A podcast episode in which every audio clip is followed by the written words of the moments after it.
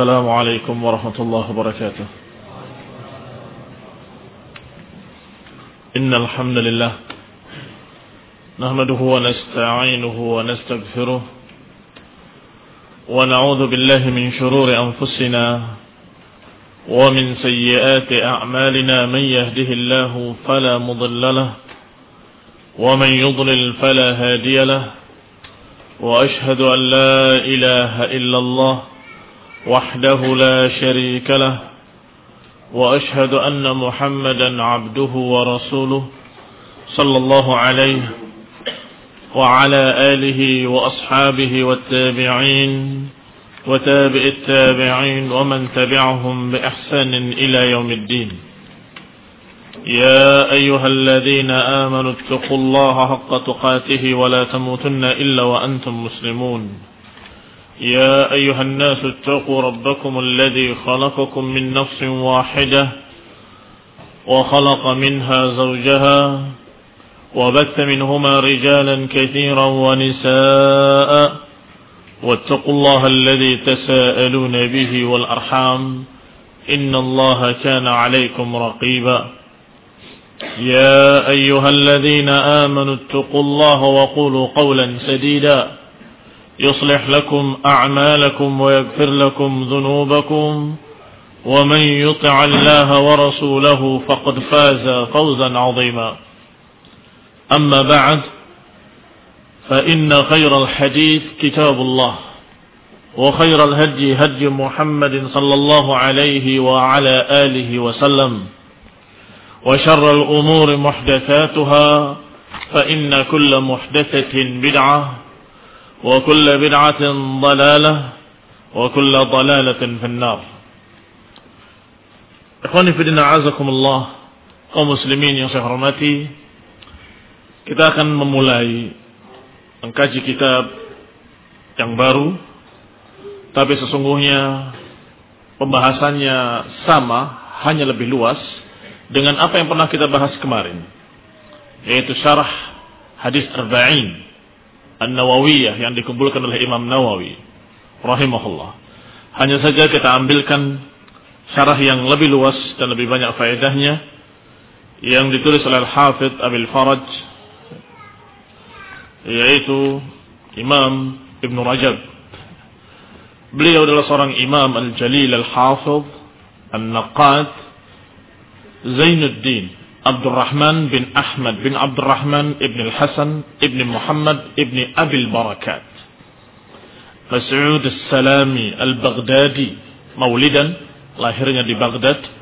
al-Hambali madhaban madhabnya madhab Hambali. ad-Dimashqi iqamatan wa wafatan. Di Damaskus mukimnya dan wafatnya. Ini lahirnya di Baghdad dan bermukimnya di Damaskus dan wafat juga di Damaskus. Wa yukanna bi Abil Faraj. Beliau juga mendapatkan kunyah Abul Faraj dan juga mendapatkan julukan Ibnu Rajab. Padahal dia adalah jadinya wa huwa jadduhu Abdurrahman. Kakeknya Abdurrahman dipanggil juga dengan Rajab. Sehingga Ibnu Rajab itu adalah dikaitkan dengan kakeknya. Luqiba bidzalika li'annahu wulida fihi karena dia dalam keadaan lahir di sana di tempat kakeknya dikatakan dengan kalimat Ibnu Rajab. Ikhwan ibn a'azakumullah. Abul Faraj atau Ibnu Rajab menulis syarah yakni penjelasan-penjelasan yang lebih rinci dari hadis-hadis yang dikumpulkan oleh Imam Nawawi dan juga ditambah oleh beliau beberapa hadis yang dianggap juga memiliki makna luas. Beliau menyatakan di dalam muqaddimahnya.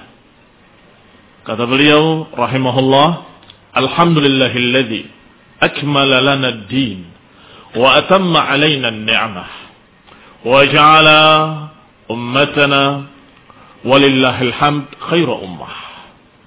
Segala puji bagi Allah yang telah menyempurnakan bagi kita agama ini dan telah menyempurnakan untuk kita kenikmatannya dan dijadikan umat kita ini umat Islam sebagai khaira ummatin.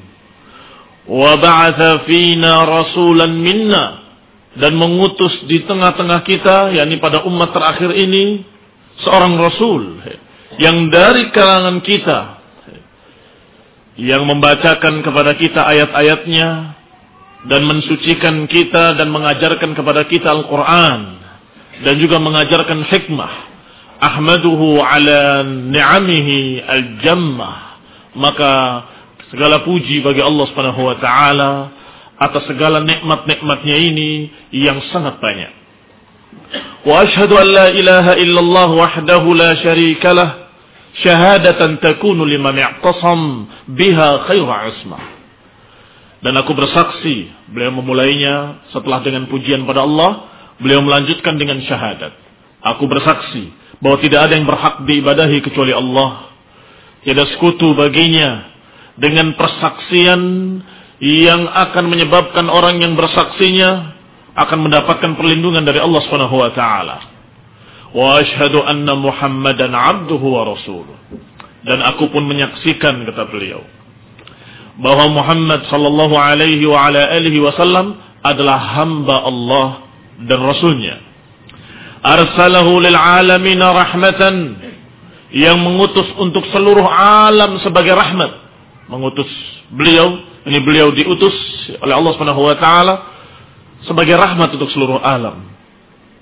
Wa farada alaihi bayan ma unzila ilaina dan telah diwajibkan kepada beliau untuk menjelaskan ayat-ayat yang diturunkan oleh Allah kepada kita. Yakni isyarat kepada ayat yang Allah katakan litubayyana lin-nasi ma nuzila ilaihim agar engkau menjelaskan kepada manusia apa yang diturunkan pada mereka yakni kita mempersaksikan bahwa beliau adalah seorang rasul seorang nabi yang mendapatkan perintah untuk menerangkan secara rinci, secara jelas tentang Al-Quran. Fa'awdaha lana kullal umuril muhimmah. Maka beliau oleh salatu menerangkan kepada kita segala perkara-perkara yang penting. Wa khassahu bijawami'al kalim. Dan Allah subhanahu wa ta'ala mengistimewakan. Mengistimewakan beliau dengan beberapa perkara di antaranya Allah berikan kepada beliau alaihi salatu wassalam jawami'al kalim. Jawami'al kalim adalah kalimat-kalimat yang ringkas tapi bermakna luas. Kalimat-kalimat yang simple tapi padat isinya. Ini Allah berikan kepada Rasulullah sallallahu alaihi wasallam. Jama'a ashtatal hikam wal ulum fi kalimatin aw syatri kalimah maka beliau oleh salam kadang mengumpulkan sekian masalah, sekian hukum dalam satu kalimat. Satu kalimat mengandung sekian hukum, sekian ilmu. Ini kehebatan dan keistimewaan beliau alaihi salatu wassalam yang Allah berikan kepadanya. Sallallahu alaihi wa ala alihi wa salah takunu lana nuran kulli zulmah wa sallama tasliman kathira. Semoga Allah memberikan salawat dan salam kepadanya, kepada keluarganya, sahabat-sahabatnya, dengan salawat-salawat yang akan menyebabkan kita yang bersalawat akan mendapatkan cahaya dari Allah Subhanahu wa taala. Wa sallama tasliman katsira. Amma ba'd. Setelah mukaddimah, Imam Ibn Rajab menyatakan, "Fa inna Allah Subhanahu wa ta'ala ba'atha Muhammadan bi jawami'il kalim." Maka Allah Subhanahu wa taala telah mengutus Nabi Muhammad sallallahu alaihi wa ala alihi wasallam dengan membawa jawami'ul kalim. Membawa kalimat-kalimat simpel yang bermakna luas, kalimat-kalimat ringkas yang bermakna sangat banyak di dalamnya. Wa khassahu bi bada'il hikam. Allah istimewakan beliau dengan bada'i', yakni kalimat yang betul-betul tinggi bahasanya yang menakjubkan bagi orang yang mengerti bahasa Arab.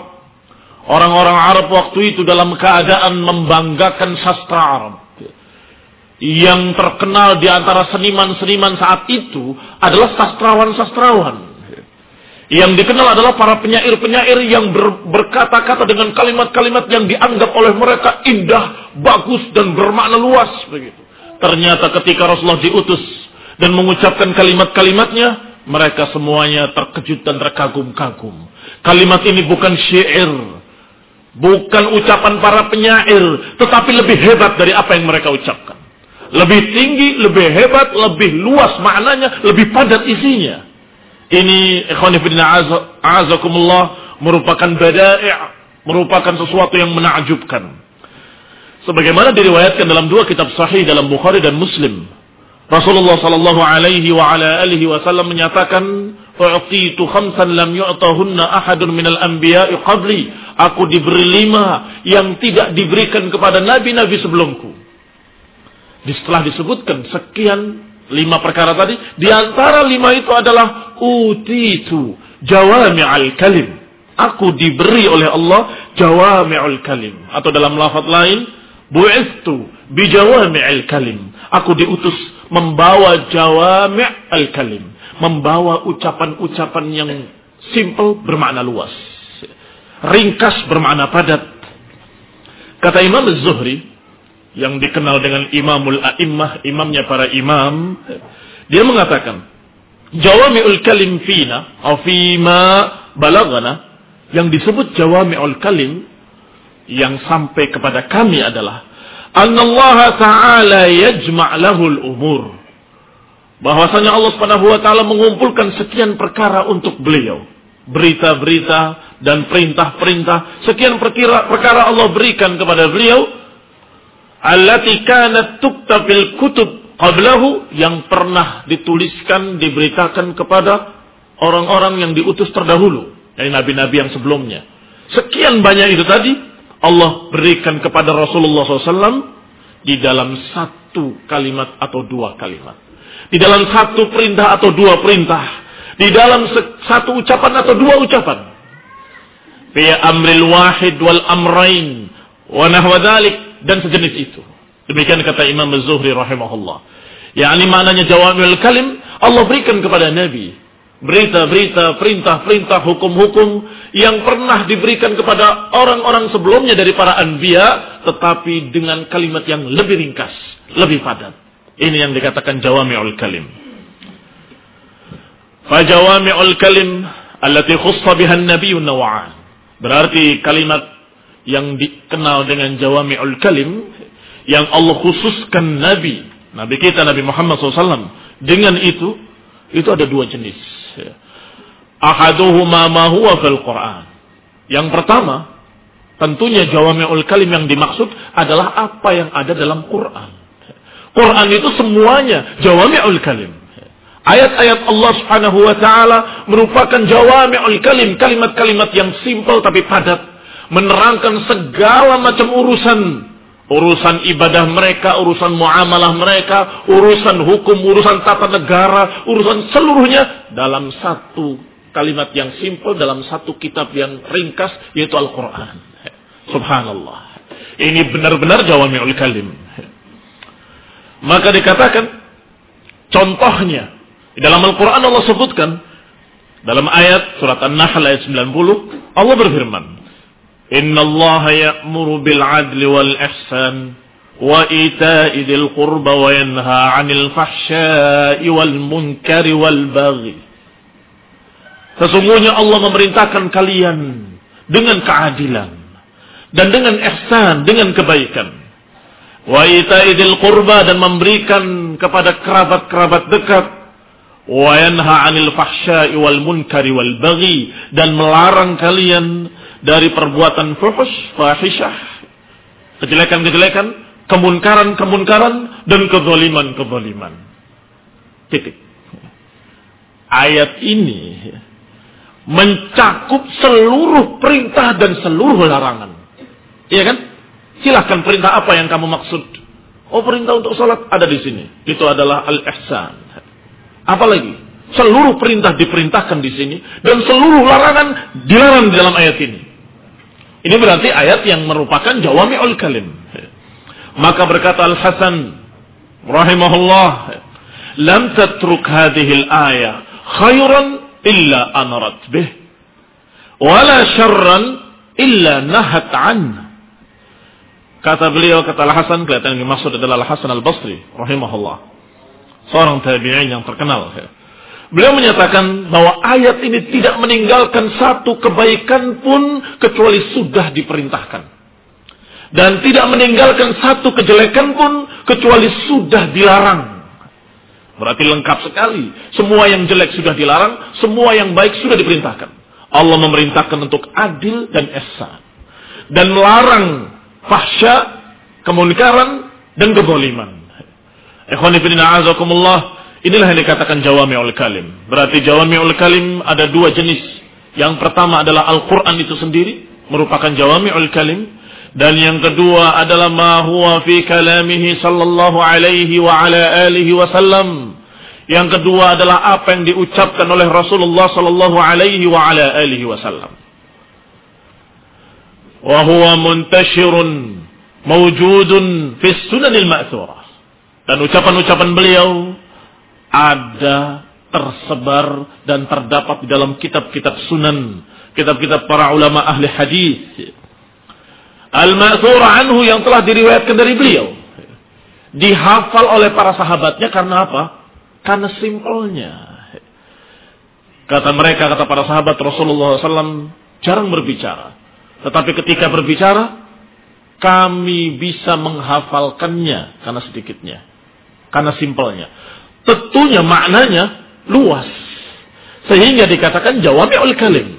Di samping Al-Quran, juga jawami kalim yang diucapkan oleh Rasulullah SAW dalam setiap kalimat-kalimatnya. Maka hikmahnya para sahabat menghafal ucapan-ucapan Rasulullah dan disampaikan kepada para tabi'in. Para tabi'in menyampaikannya kepada para tabi'it tabi'in dan dicatat oleh para ahli hadis dengan sanadnya dengan rawi-rawinya dengan riwayat-riwayatnya sehingga sampai kepada kita dan terpelihara terus. Ikhwani fi azakumullah. Waqad aj waqad jama'a al-ulama radhiyallahu anhum jumu'an min kalimatihi sallallahu alaihi wasallam al-jami'ah. Maka para ulama mulai mengumpulkan hadis-hadis Rasulullah SAW, ucapan-ucapan beliau khususnya kalimat-kalimat yang merupakan jawami ul kalim yang merupakan tonggak dasar dari berbagai macam bab-bab fikih ataupun bab-bab akidah ataupun muamalah. Yang satu hadis itu kan pembahasan yang luas, hampir ke semua pembahasan. Maka mereka kumpulkan apa saja di antara hadis-hadis tersebut. Di antaranya yang mulai mengumpulkan hadis-hadis yang seperti ini adalah Al-Hafidh Abu Bakar Ibn Sunni di dalam sebuah kitab yang beliau kasih nama Ijaz Al-Ijaz wa Jawami'ul Kalim min As-Sunanil Ma'thurah. Dikasih judul ya. Ini kalimat-kalimat yang ringkas atau kalimat-kalimat simple yang bermakna luas yang merupakan jawami'ul kalim yang dinukil dari sunnah-sunnah Rasulullah SAW. Itu judulnya. Maka dalamnya adalah hadis-hadis yang merupakan kaidah-kaidah dasar yang di atasnya bercabang sekian banyak bab. Apakah dalam akidah atau dalam fiqh.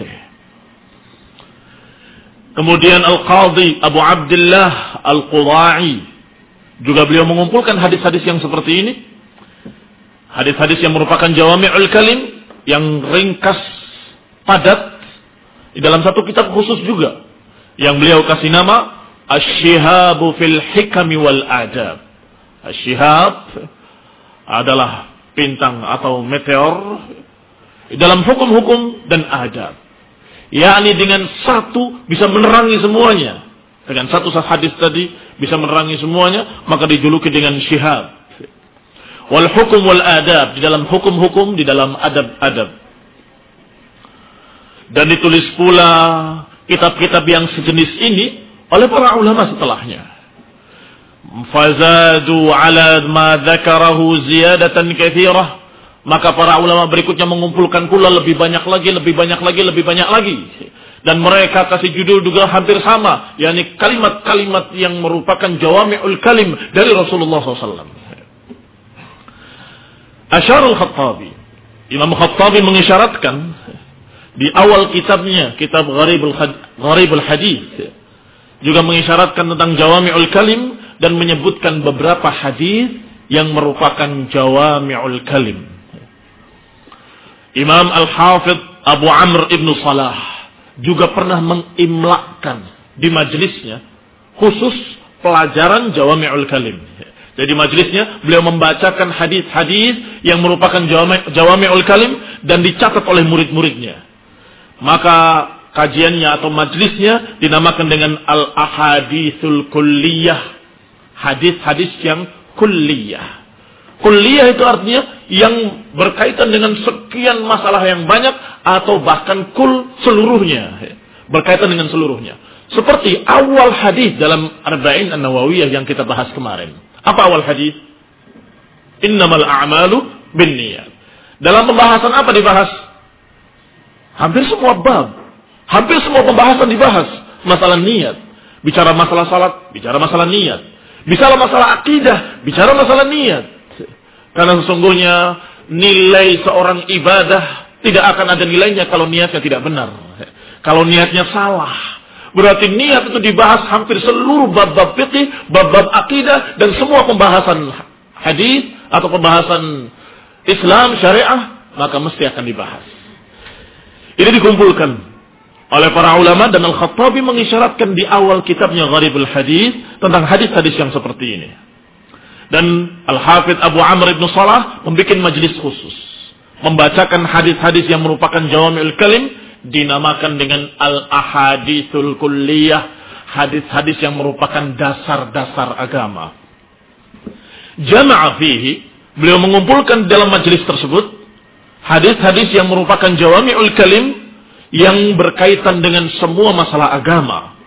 Wa makana fi ma'naha. Dan yang semakna dengan itu dari kalimat-kalimat yang ringkas, tepat, padat. Maka di majelis itu terkumpullah, dibacakan, dibacakan, dibacakan, mencapai 26 hadis.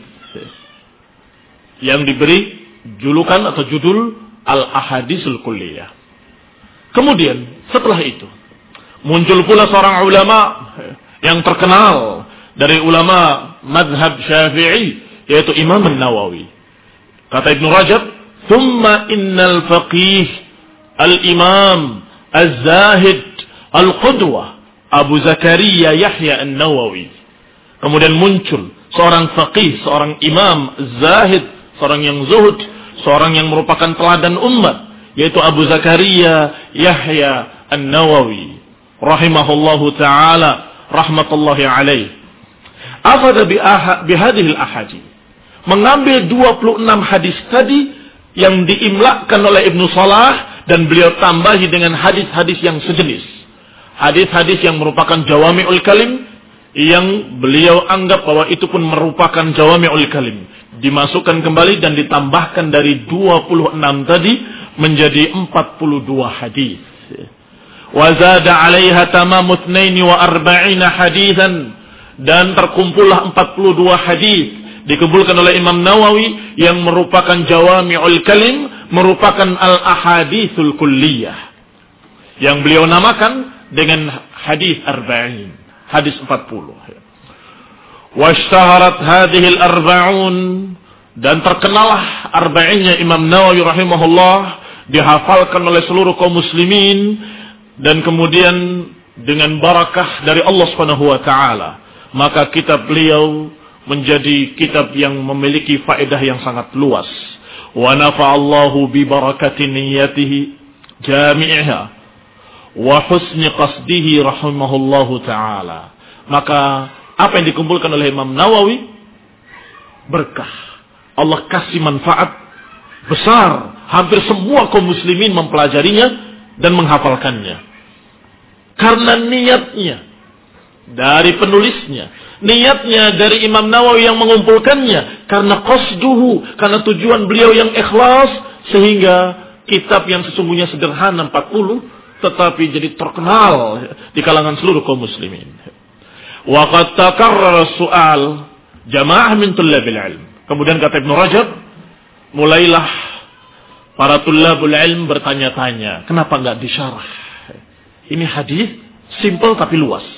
Kenapa enggak dijabarkan secara detail, secara rinci, dan apa faedah-faedah yang luas tadi, di dalam satu hadis tadi, apalagi ini ada 40. Takarrara soal, berulang-ulang permintaan dari para pelajar, dari para pencari ilmu, wadin yang mempelajari agama, li ta'liqi syarhi li hadhil ahadi.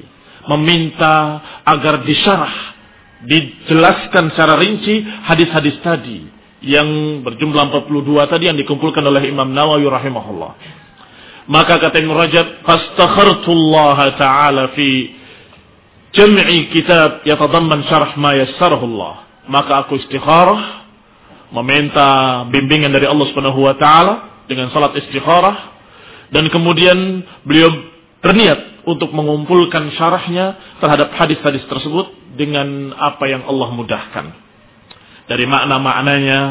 Wa taqid ma yaftah bihi subhanahu subhanahu min tabyin qawaidiha. Dan Allah Subhanahu wa taala kita meminta pada Allah Subhanahu wa taala agar membukakan kepada kita apa yang tersamar di dalamnya. Kaidah-kaidahnya keterangan-keterangannya makna-maknanya. Wa iyyahu as'al. Dan kepadanya lah kepada Allah lah aku meminta kata Ibnu Rajab pertolongan-pertolongan dari apa yang aku niatkan ini. Ini untuk mensyarah kitab Arba'in. Dan aku meminta taufik bi islahin niyah wal qasd.